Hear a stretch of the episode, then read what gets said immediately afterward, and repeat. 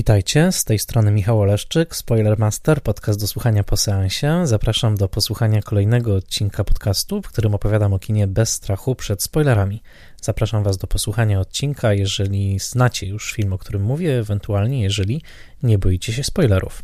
Spoilermaster jest podcastem w całości utrzymywanym przez patronki i patronów z serwisu patronite.pl jeżeli spodobał Wam się ten odcinek, zachęcam Was do odwiedzenia patronite.pl i rozważenie wsparcia mojego podcastu. Spoiler Master jego odcinki są i zawsze pozostaną darmowe w wolnym dostępie, ale powstają dużym nakładem pracy. Jeżeli zechcecie wspomóc mnie w tym wysiłku uczestnictwem w zbiórce patronajtowej, będę bardzo wdzięczny, a dla patronów przewidziane są bonusy odpowiednie dla poszczególnych progów. Serdecznie Was zapraszam.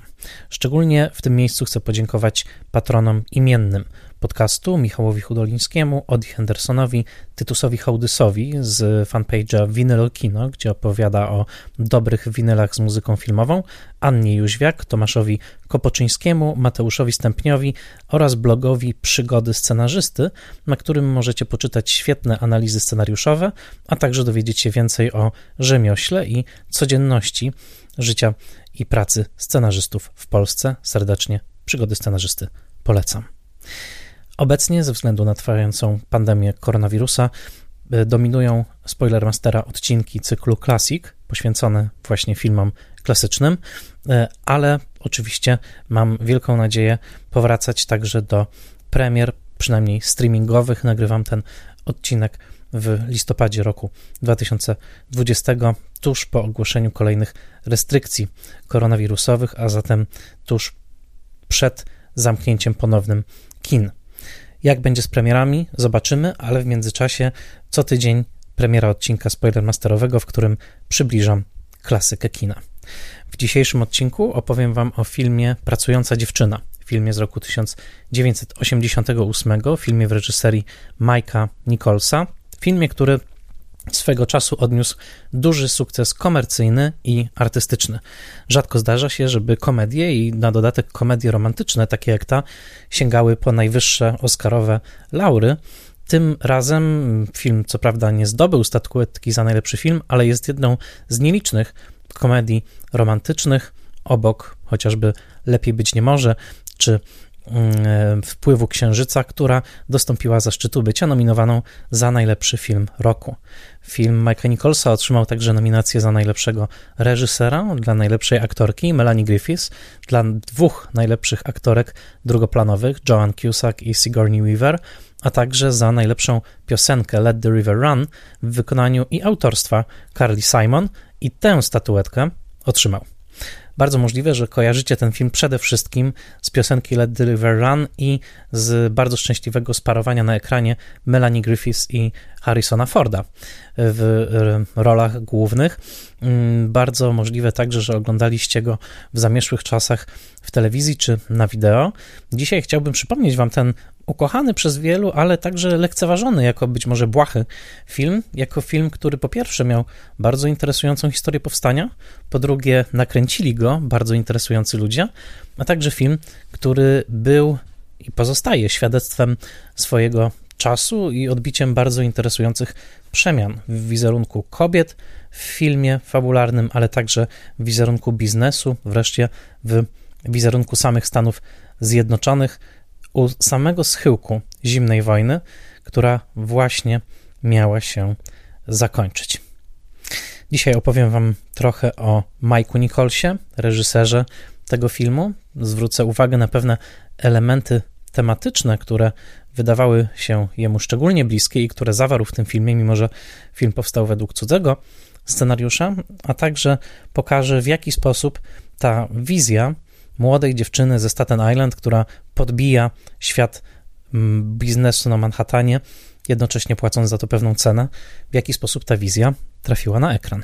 Jak zwykle przy przygotowaniu do odcinka bezcenne były dla mnie źródła. Źródła, z których korzystałem, żeby dostarczyć Wam jak najlepszą i sprawdzoną wiedzę na temat filmu, o którym mówię.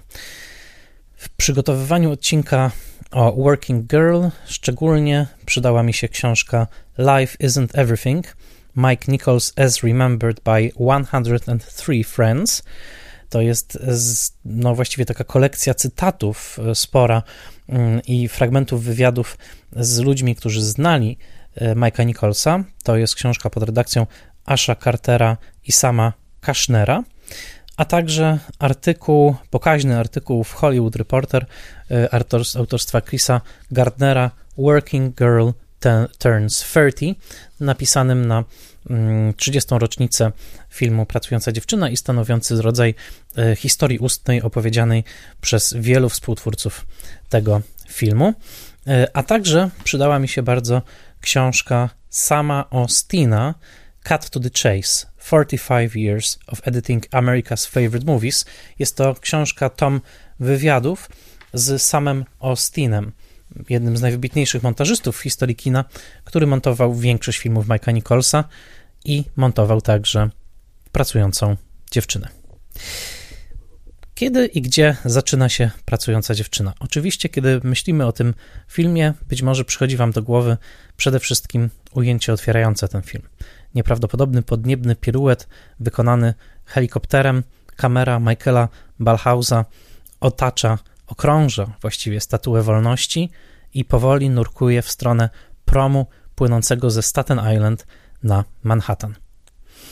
Na tym promie odkrywamy Tess McGill, dziewczynę ze Staten Island, która jak co rano jedzie, płynie do pracy w dzielnicy finansowej Manhattanu i tym razem są jej urodziny. Jej przyjaciółka, syn, czyli Cynthia, e, daje jej małą babeczkę z trzema świeczkami, mówi: Pomyśl sobie życzenie. Tess zdmuchuje świeczki i widać w jej twarzy, widać w jej oczach, że życzenie pomyślała, że jest to dziewczyna, która ma jakieś marzenie.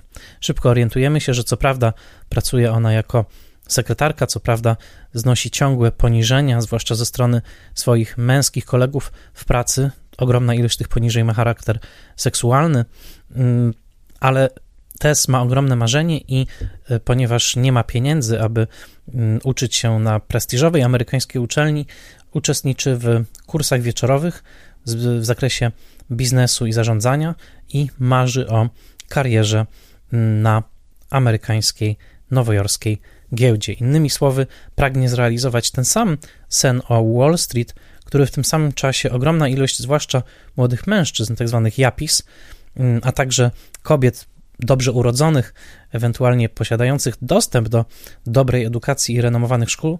Otóż ten sen o byciu japim, czyli młodym, y, błyskawicznie bogacącym się mm, y, profesjonalistą, spełniało. Dla Tess ten sen jest zamknięty. Ten sen wydaje się być za szklaną szybą.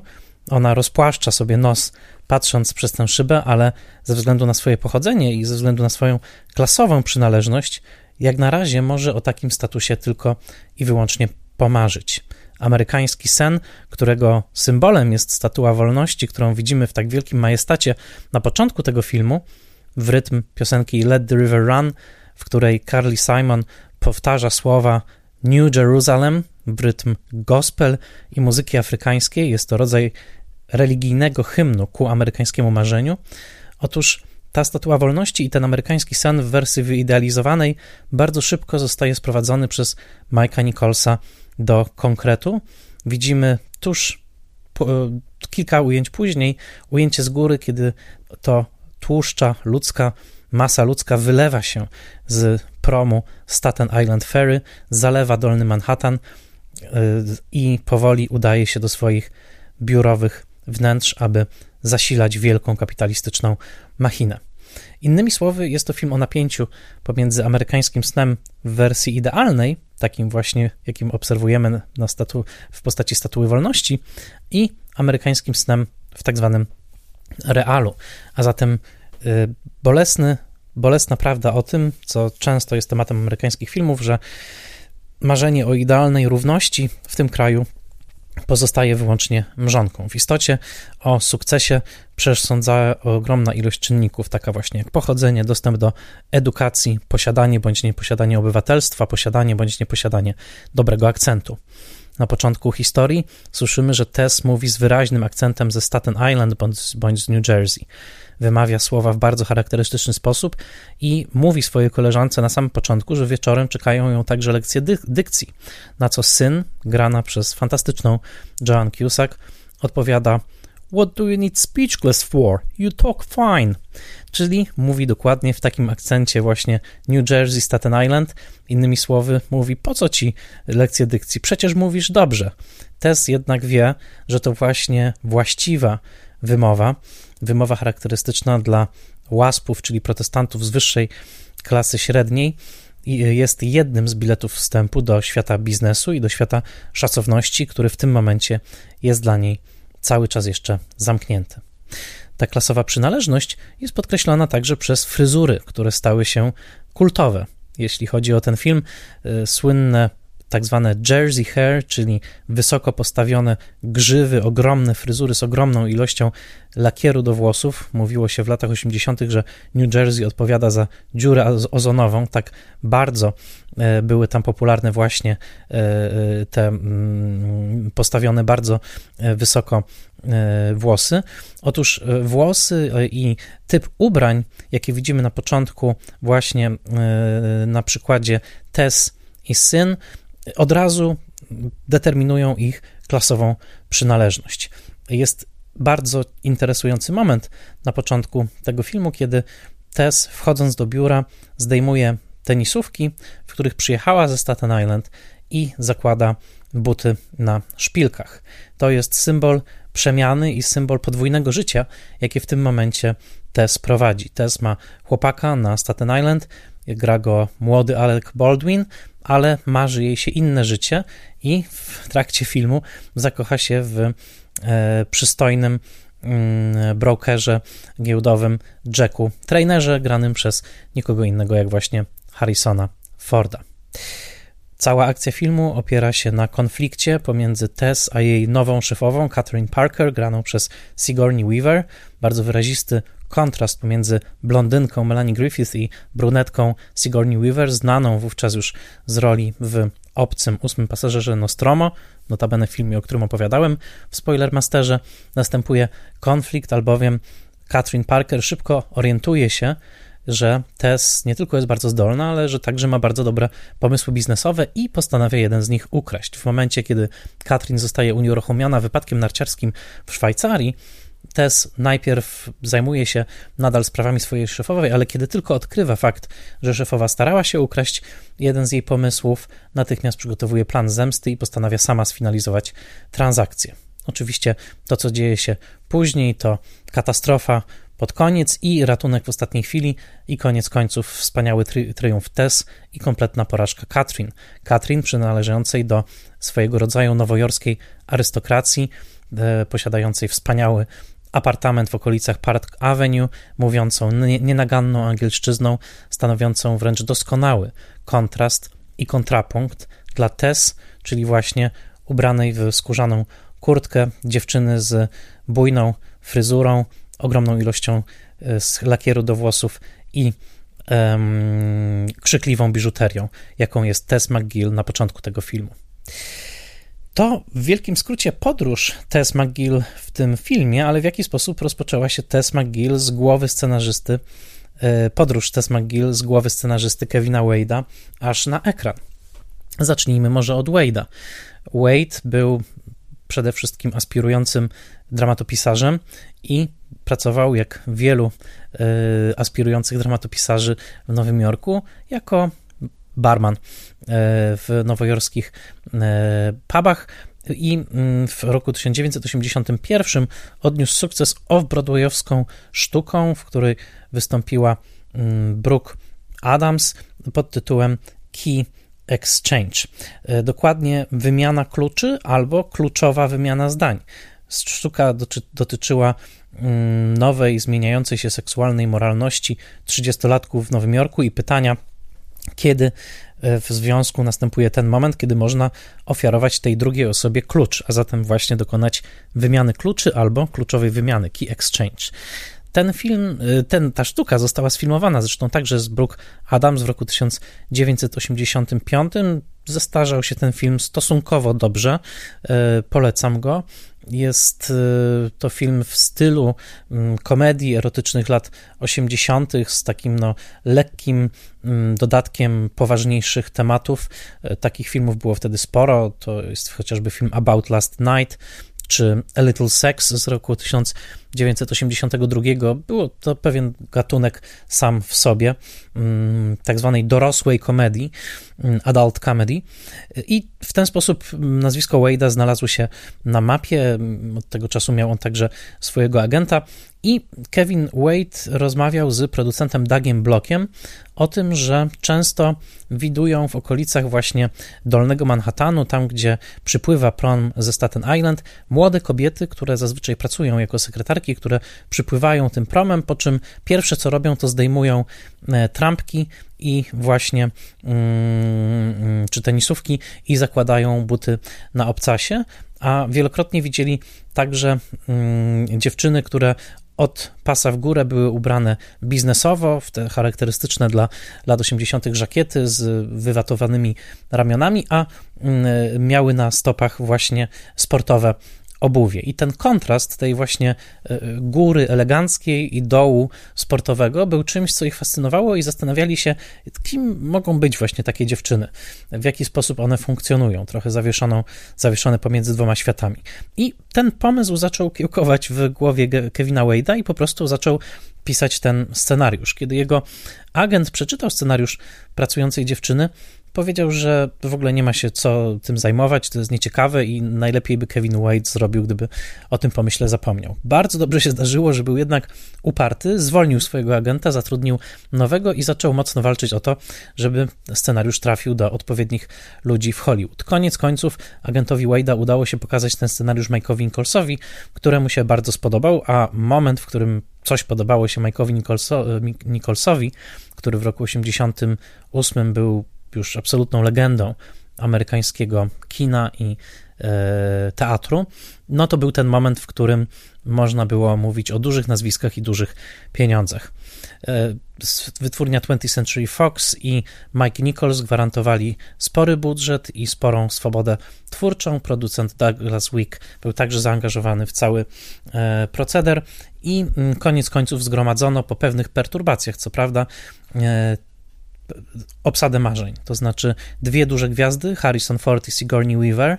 Zwróćcie uwagę, że to ich nazwiska pojawiają się w czołówce jako pierwsze, Melanie Griffiths jest dopiero trzecia, e, mimo że gra de facto główną, główną rolę ale to y, Harrison Ford i Sigourney Weaver byli wówczas absolutnie największymi gwiazdami. Harrison Ford zapewne był największą gwiazdą y, męską tamtego czasu w ogóle. Przypomnijmy, że to jest świeżo po jego sukcesach jako Hanna Solo w trylogii o Gwiezdnych Wojnach, a także jest on wówczas świeżo po dwóch Indianach Jonesach, a zatem nie ma w tamtym czasie gwiazdy męskiej o e, większym e, i seksapilu, i popularności.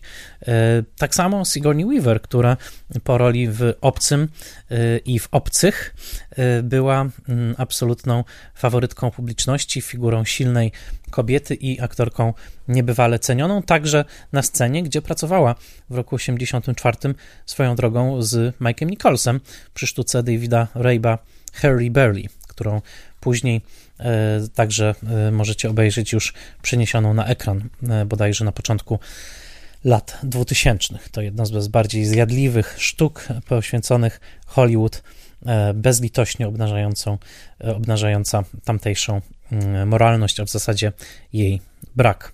A zatem taka obsada domagała się dopełnienia w postaci młodej aktorki, która mogłaby zagrać postać Tess. Tutaj w końcu wybrano Melanie Griffiths, mimo że rozważano wiele aktorek, m.in. Demi Moore, Madonnę, mm, Shelley Long, która była wówczas bardzo popularna ze względu na ogromny sukces e, sitcomu Zdrówko, który był także emitowany później, co prawda, w Polsce, a także rozważano do, mm, e, do tej roli e, jeszcze kilka innych aktorek. Natomiast koniec końców e, rola ta wylądowała w rękach Melanie Griffiths, która, dodajmy, wówczas miała dosyć trudną e, trudną reputację. Za chwilkę wyjaśnię, na czym ta reputacja dokładnie polegała, po czym przejdę do postaci Mike'a Nicholsa, bo wydaje mi się ona tutaj absolutnie centralna. Natomiast jeżeli chodzi o Melanie Griffiths, interesujący fakt jest taki, że agent Melanie Griffiths w tamtym samym czasie także prowadził rozmowy dotyczące filmu Przypadkowy Turysta.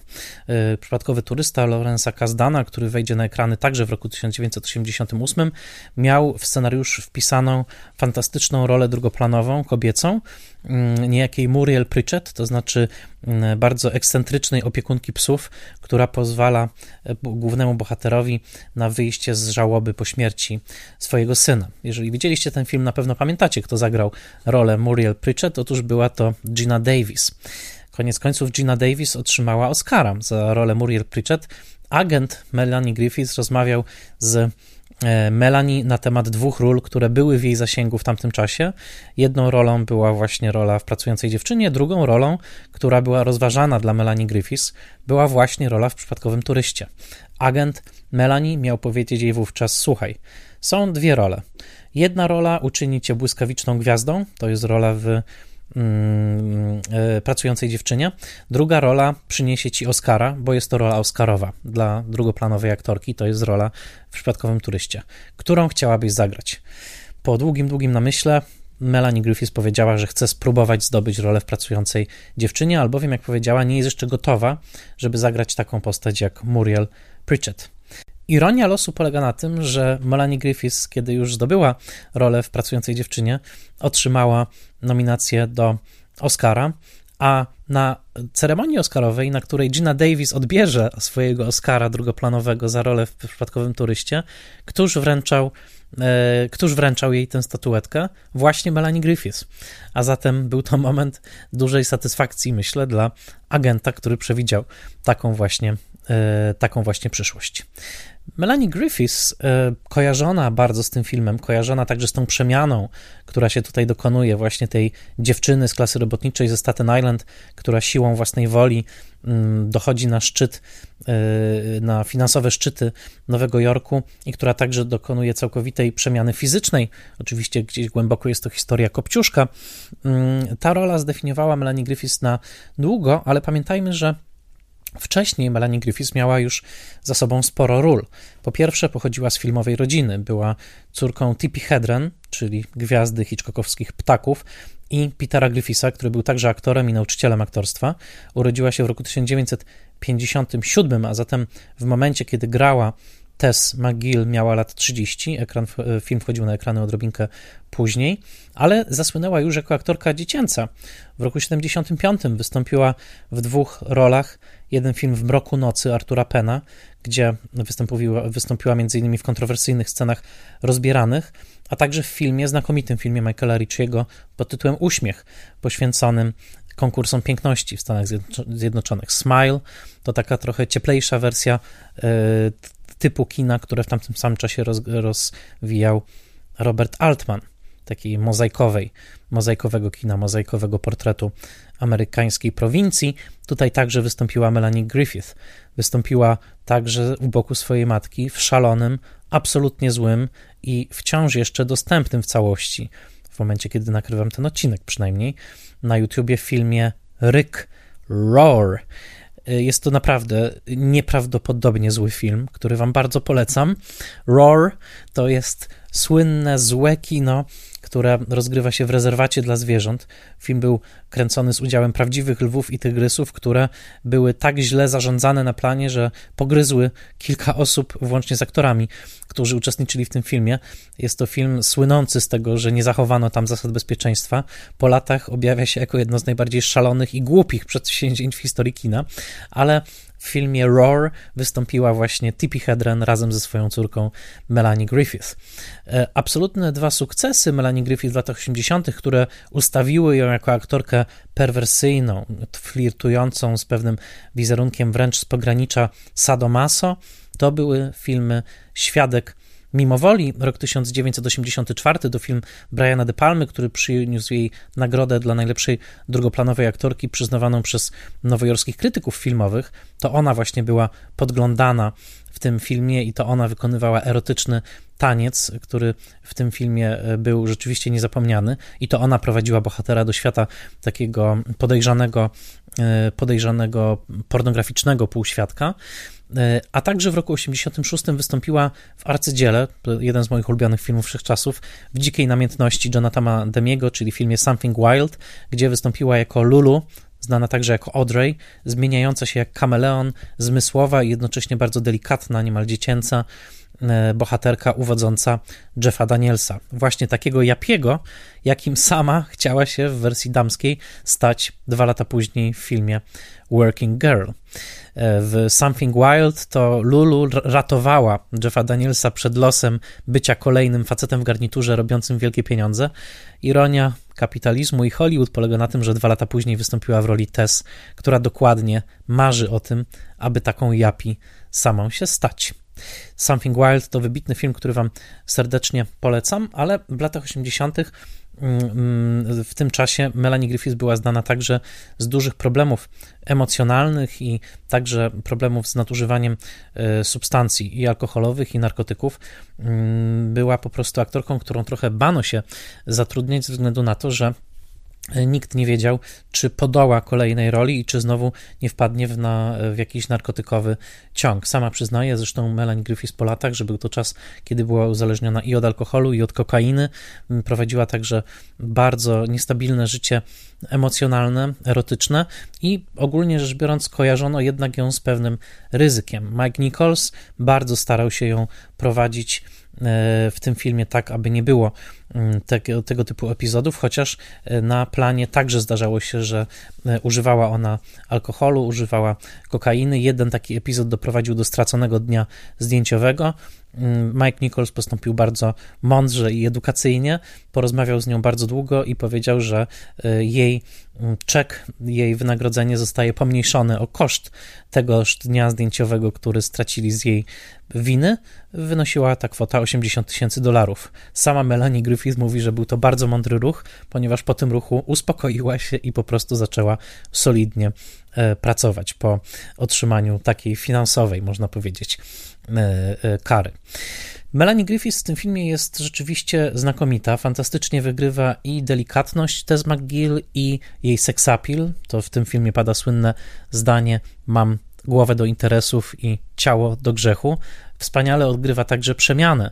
Ten moment, kiedy dobiera starannie garderobę z szafy swojej szefowej, chociaż wielu krytyków wskazywało na tym, że Sigourney Weaver i Melanie Griffith są zupełnie innej budowy, więc jest to trochę mało prawdopodobne, ale jednak e, i także sceny z jej przyjaciółką, to znaczy nominowaną do Oscara Joan Cusack, która jest tutaj niemalże karykaturą owych Jersey hair, dlatego że jej włosy wydają się żyć własnym życiem. Jej makijaż jest tak gruby, że sama przyrównywała go po latach do maski kabuki. Jest tak e, intensywny, ale jednak od pierwszej sceny, od tej sceny zdmuchnięcia świeczek na malutkiej babeczce, czujemy, że jest to prawdziwa przyjaźń i że jedna przyjaciółka za drugą skoczy w ogień. Są tutaj fantastyczne momenty, kiedy to właśnie e, Cynthia jest taką przedstawicielką zdrowego rozsądku i kiedy e, e, stawia wyzwania swojej przyjaciółce, pytając ją, czego ona tak naprawdę, mm, czego ona tak naprawdę chce. Film wypełnia wzorzec komedii romantycznej. Mamy tutaj postać, którą, e, która reprezentuje wszystko to, co złe, to znaczy Katrin, która e, na końcu musi być ukarana. Mamy postać, z którą całkowicie sympatyzujemy, to znaczy Kopciuszka, który musi wybrać, czy wiązać się ze swoim zdradzającym ją chłopakiem na Staten Island, czy raczej e, wskoczyć w świat Manhattanu i zaryzykować wszystko, i dla mężczyzny, którego coraz to bardziej kocha, i dla biznesowego sukcesu, którego tak bardzo pożąda. Mamy także portret Ameryki epoki Reagana. Pamiętajmy, że to jest sam koniec drugiej kadencji prezydenta Reagana, który zaczął rządzić w roku 1980, potem został wybrany na kadencję drugą, który był kojarzony nie tylko ze zwrotem do wartości konserwatywnych, e, bo to przede wszystkim nie tylko był kojarzony jako tak zwany zimnowojenny e, e, właśnie wojownik, warrior czy jastrząb, ale także bardzo mocno przyczynił się do mm, takiego nowego etosu bogacenia się, który e, skrytykował mocno Oliver Stone w filmie Wall Street, pochodzącym zaledwie sprzed roku, po pochodzącym z roku 1987, w którym to y, pamiętny Gordon Gekko, grany przez Michaela Douglasa, mówił wprost, że greed is good, to znaczy chciwość jest dobra. Melanie Griffiths i Tess McGill w tym filmie w zasadzie mogłaby powtórzyć to samo.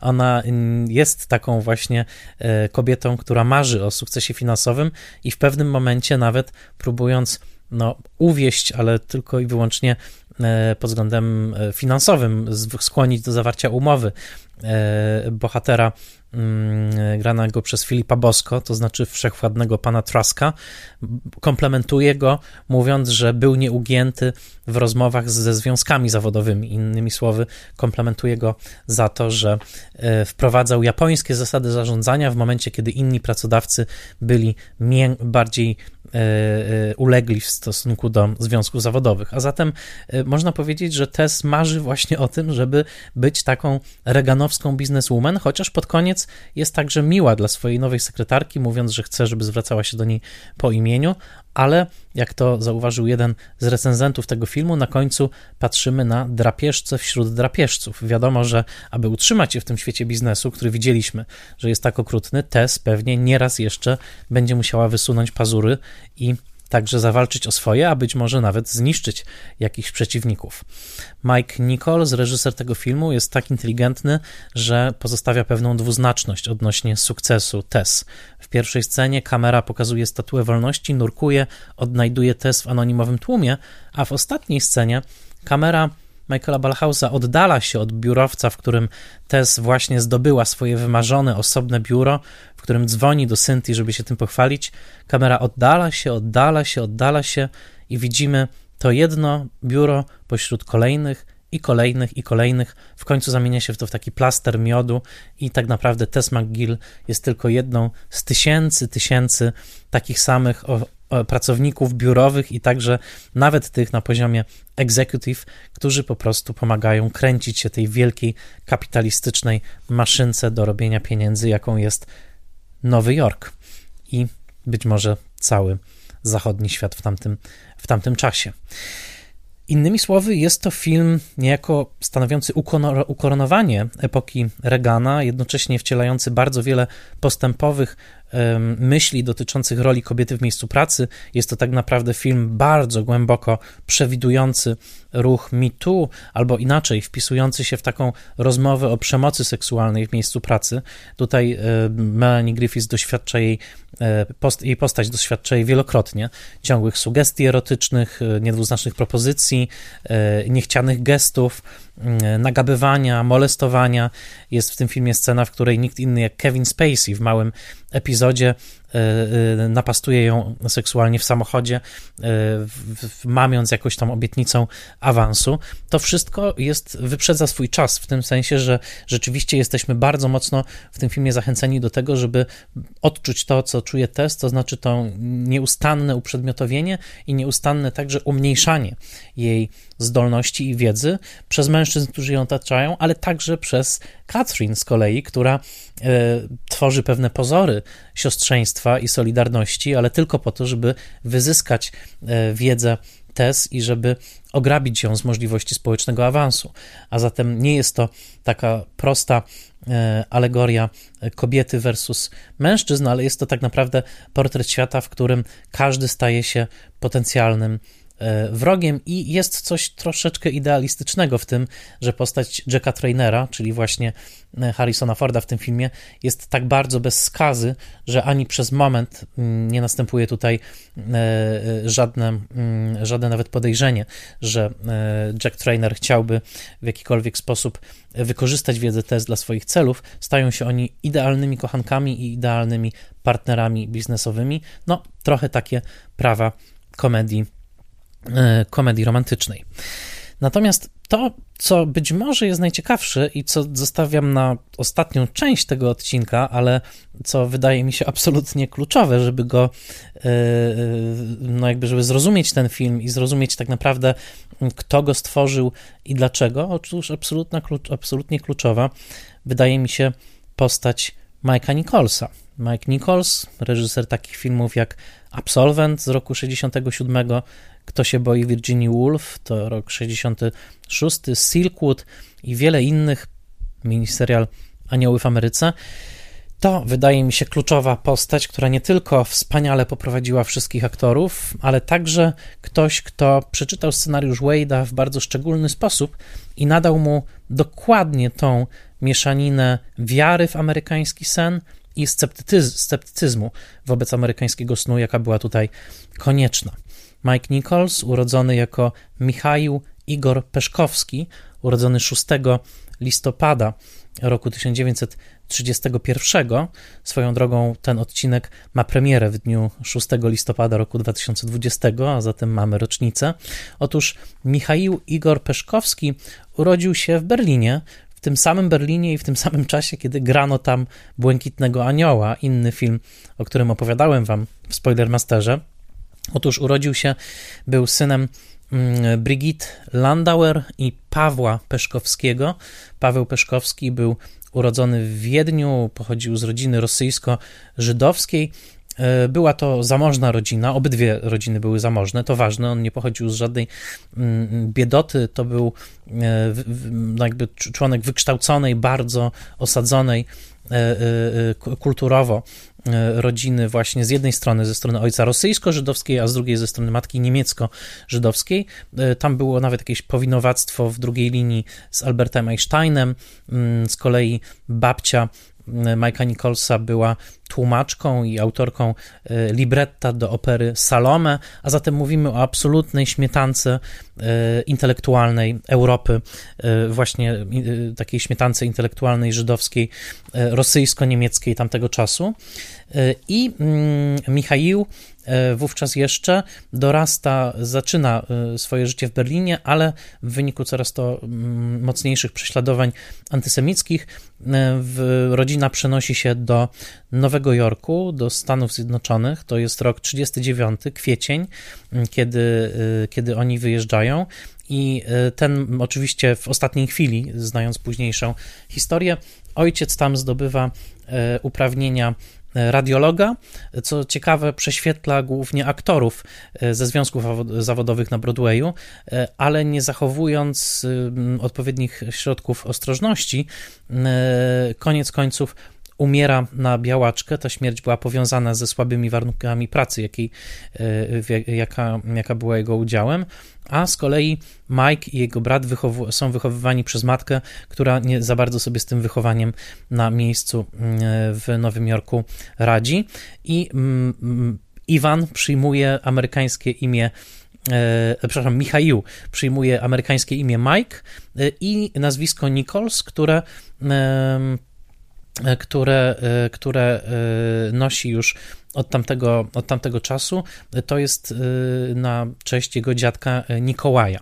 A zatem mamy tak naprawdę Michaiła Peszkowskiego, który staje się Mike'iem Nicholsem, który ma już niemal 10 lat, kiedy zostaje powoli Amerykaninem, uzyskuje obywatelstwo w roku 1944, po czym zaczyna studia e, medyczne na mm, no, Uniwersytecie Nowojorskim, ale dosyć szybko je kończy. W każdym razie przenosi się do Chicago, tam zaczyna studiować psychiatrię i Uniwersytet w Chicago, który wówczas w latach 50., to są lata 53, 54 i później, e, staje się takim absolutnym mm, e, centrum myśli, przede wszystkim lewicowej, ale także ogromnej aktywności artystycznej. Otóż Mike Nichols mówi sam o sobie, że właśnie wtedy odnalazł się, to znaczy był zakompleksiony, nie lubił mm, Stanów Zjednoczonych, y, trawiły go ogromne koszmary związane z mm, Holokaustem, który w międzyczasie dokonał się na kontynencie europejskim, natomiast y, on jakoś nie potrafił znaleźć swojej tożsamości i dopiero znalazł ją właśnie na Uniwersytecie w Chicago. Warto wiedzieć coś jeszcze o Mike'u Nicholsie, a mianowicie w wieku 4 lat w wyniku szczepionki, jaką otrzymał na koklusz, y, Mike Nichols stracił wszystkie włosy, wyłysiał na całym ciele i do końca życia pozostał łysy, nie, nie, miał, nie miał żadnego owłosienia, co było wielką taką tragedią jego życia i jednocześnie czymś, co to bardzo istotne przez całe życie bardzo skrzętnie ukrywał. Jeżeli widzicie jakiekolwiek zdjęcie Mike'a Nicholsa, możecie go kojarzyć z bujną czupryną blond włosów i z wyrazistymi brwiami. Otóż Mike Nichols każdego dnia swojego życia, na co wydawał swoją drogą przez całe życie duże pieniądze, zakładał i mocował perukę, a także przyklejał sobie sztuczne brwi. Był to rodzaj sekretu, o którym wszyscy wiedzieli, jego przyjaciele, wszyscy udawali, że tego nie widzą. Mike Nichols miał wiele tych peruk e, o różnych długościach, które symulowały rośnięcie włosów, następnie rzekome postrzyżyny i tak dalej. Natomiast był to de facto człowiek, który od czwartego roku życia e, e, tego owłosienia nie posiadał i tak naprawdę stworzył pewną personę, którą bardzo skrzętnie utrzymywał, no i robił to na tyle dobrze, że nawet patrząc na wiele zdjęć, myślę, że nikt by się nie zorientował. Natomiast ludzie, którzy go znali, wiedzieli, ale był to temat, o którym po prostu nie wolno było, mm, nie wolno było mówić. W książce, no, o której wspomniałem, to znaczy Life Isn't Everything, e, wiele osób podkreśla, że jest to jeden z kluczy do postaci Mike'a Nicholsa, to znaczy, że ten właśnie e, rosyjsko-niemiecki Żyd, który przyjechał do Stanów Zjednoczonych i który jednocześnie był właśnie naznaczony tą, e, tą, tą łysiną, przez całe życie w pewnym sensie nie tylko się ukrywał, ale cały czas zabiegał o akceptację. Cały czas miał poczucie winy w stosunku do wszystkich tych krewnych, którzy zginęli w Holokauście w Europie, i cały czas miał poczucie, że z jednej strony udało mu się coś, że jest szczęściarzem, że trafił do Nowego Jorku. Jedna z pierwszych mm, zdań, podobno jakie wypowiedział po tym, kiedy wysiadł na Manhattanie jako dziecko i zobaczył hebrajskie napisy na sklepach, zapytał, y, to jest tu dozwolone? Innymi słowy, zobaczył taki świat, w którym można być Żydem i nie wiąże się to z żadnym prześladowaniem. Z drugiej strony jednak, e, o czym bardzo się wyraźnie mówi, odczuwał, i to wielu z tych jego przyjaciół mówi, on odczuwał taką swoistą wdzięczność w stosunku do Ameryki, właśnie jako takim, takiej ziemi obiecanej, a jednocześnie cały czas e, w jego twórczości pojawia się taki motyw kogoś, kto nie w pełni może uczestniczyć w amerykańskim śnie. E, nie w pełni wpasowuje się w ten scenariusz sukcesu. I teraz zwróćcie uwagę na to, jak został obsadzony Dustin Hoffman w filmie Absolvent, czyli w drugim filmie Mike'a Nicholsa, za który dostał Oscara za reżyserię. Mianowicie tam mamy taką zamożną rodzinę właśnie łaspów, czyli tych protestantów z Kalifornii, którzy oczekują, że ich syn, który właśnie wrócił ze szkoły e, na wschodnim wybrzeżu, właśnie tytułowy absolwent, że on będzie pracował w biznesie, prawda? Tylko, że ten syn wygląda zupełnie inaczej niż opisany na kartach powieści e, Chrisa Weba, idealny, łaspowy chłopak. Ten syn jest Dustinem Hoffmanem, który po pierwsze ma 33 lata w momencie, kiedy gra tę rolę, a po drugie właśnie jest wyraźnie etnicznie kojarzony y, jako aktor pochodzenia żydowskiego. Y, sam Dustin Hoffman po latach powie, że uważa fakt obsadzenia siebie właśnie w roli Benjamina Bradoka w Absolwencie za najodważniejszy casting w historii amerykańskiego kina, dlatego że było to tak bardzo, mówiąc językiem reżyserów obsady nie po warunkach, to znaczy jego właśnie warunki zewnętrzne nie pasowały do roli e, e, syna e, rodziny łaspów z, z zachodniego wybrzeża. Tymczasem Mike Nichols nakręcił właśnie film o, o kimś, kto nie do końca pasuje do tego świata, kto niby jest synem tej bogatej protestanckiej rodziny, ale do końca przecież nie pasuje do tej rzeczywistości i o tym właśnie jest cały film. Sam Douglas Block, czyli reżyser, e, przepraszam, producent filmu pracująca dziewczyna mówi w książce Life Isn't Everything, że, mówi to wprost, że e, dla Mike'a Nicholsa pracująca dziewczyna była filmem, w którym on się odnalazł, ponieważ rozumiał postać Tess McGill, to znaczy rozumiał postać tej dziewczyny, która przykleja właśnie nos do szklanej szyby, która wszakże oddziela ją od świata prawowitych E, e, e, właścicieli prawowitych, uprzywilejowanych, czyli właśnie owych protestantów amerykańskich, zamożnych, reprezentowanych w tym filmie przez Sigourney Weaver. Innymi słowy, Doug Block mówi wprost o tym, że to właśnie żydowska tożsamość Mike'a Nicholsa sprawiła, że był on zawsze w stanie empatyzować z tymi, którzy do końca nie są akceptowani przez amerykański establishment, który, którzy mogą być akceptowani e, jako mm, dostarczyciele rozrywki, a nawet jako biznesmeni, z którymi robi się interesy, ale którzy nigdy nie zostaną uznani za członków tej jedynej, prawdziwej, właśnie białej, anglosaksońskiej, e, protestanckiej elity. I w tym sensie można powiedzieć, że to pierwsza scena, kiedy Tess McGill płynie promem na, e, ze Staten Island na Manhattan, jest także pewną rekreacją, takim odtworzeniem sceny, która rozegrała się wiele lat wcześniej, w roku 1939, kiedy to mały Michaił Igor Peszkowski przypłynął do Nowego Jorku i zobaczył swoją ziemię obiecaną. Przypomnę, że Carly Simon śpiewa wielokrotnie o New Jerusalem w tej piosence. Innymi słowy, Mike Nichols filmujący Statuę Wolności, Mike Nichols filmujący Manhattan w monumentalnych ujęciach Michaela Ballhausa, cofa się niejako do swojego własnego imigranckiego doświadczenia. Kiedy Mike Nichols rozmawiał z Carly Simon o tym, jak piosenka Let the River Run Swoją drogą pierwsze słowo pochodzi z powieści Finnegan's Wake, e, to znaczy ten tytuł pochodzi od pierwszego zdania Finnegan's Wake e, Jamesa Joyce'a. Otóż kiedy Mike Nichols rozmawiał z Carly Simon o tym, jaka ma, to ma być piosenka, o czym ona ma być i o czym w ogóle jest dla niego ten film, bo on się długo nad tym zastanawiał, on w końcu powiedział, odnosząc się do Starego Testamentu, powiedział do Carly Simon, słuchaj, ten film jest o wieży Babel, bo Nowy Jork jest jedną wielką wieżą Babel, gdzie mamy różne języki, różne kultury, i, i każdy próbuje się jakoś porozumieć, napisz coś właśnie biblijnego. I ona napisała, i dlatego piosenka jest w charakterze swoim gospelowa, i dlatego ten film jest jednym wielkim poematem na część tej wolności, którą w Ameryce odnalazł Michał Igor Peszkowski, a jednocześnie jest to poemat zaprawiony typową, wspaniałą żydowską e, sceptyczną myślą. To znaczy właśnie taką, takim pytaniem, ale czy rzeczywiście tak jest? Czy rzeczywiście jesteśmy tutaj powitani z szerokimi, szeroko otwartymi ramionami? Czy może jest tak, że ta kultura, to państwo, ten, ten, te elity e, tutejsze są de facto właśnie e, przede wszystkim stworzone przez owych łaspów i oni bardzo e, e, bronią swoich, swoich, swoich bram. A zatem bardzo szczególna ambiwalencja uczuć, miłość do Ameryki z jednoczesnym właśnie pytaniem, na ile amerykański sen jest możliwy. Przecież to jest jedno z głównych pytań, jakie stawia E, dramaturgia filmowa, e, teatralna i filmowa w Stanach Zjednoczonych z roku na rok, z dekady na dekadę i bardzo często to pytanie jest zadawane właśnie przez artystów pochodzenia żydowskiego, między innymi przez Tonego Kuchnera, którego sztukę Anioły w Ameryce Mike Nichols po latach wyreżyseruje dla HBO.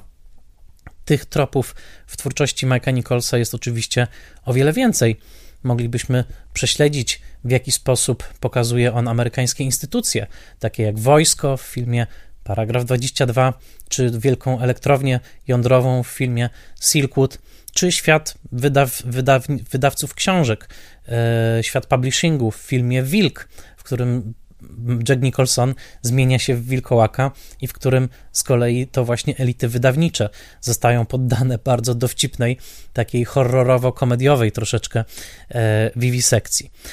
Tych wątków rzeczywiście jest bardzo dużo, ale dzisiaj chciałem Wam przede wszystkim pokazać, w jaki sposób ten wybitnie uzdolniony reżyser, laureat Oscara, mm, dziewięciu nagród Tony, to rekord, a także laureat nagrody Grammy, bo pod koniec lat 50. wraz z przyjaciółką poznaną w Chicago, wybitną, wspaniałą scenarzystką i reżyserką Elaine May, to właśnie Mike Nichols tworzył także duet stand-upowy, tworzyli taką komedię improwizowaną, która dostała nagrodę Grammy za najlepiej sprzedający się album komediowy w roku 1960, że właśnie ten człowiek, o którym tak wiele lat mówiono, że on nie ma swojego stylu, że to taki reżyser bez wyrazistego stylu wizualnego, po prostu dobry reżyser aktorów, że tak naprawdę Mike Nichols przez całą swoją karierę zastanawiał się nad Ameryką, nad Ameryką jako domem przeróżnych kultur i przeróżnych ludzi.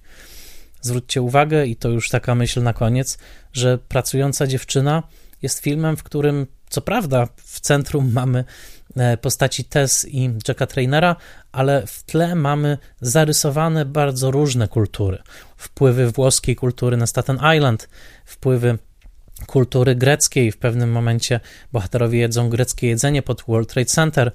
W innej scenie z kolei są na przyjęciu, w którym głównym tematem jest muzyka i jedzenie Ameryki Południowej. W innej scenie też sugeruje Katrin Parker, żeby na bankiecie wykwintnym podać chińskie pierożki dim sum i sama je serwuje, zresztą pocąc się przy tym jak mysz, że ten Nowy Jork, tak jak powiedział Mike Nichols, Carly Simon, kiedy rozmawiali o piosence Let the River Run, że jest to taka wielka wieża Babel, gdzie bardzo wielu i wygnanych, i odważnych, i po prostu szukających życiowej przygody w pewnym momencie przyjechało i powiedziało: Stwórzmy coś nowego.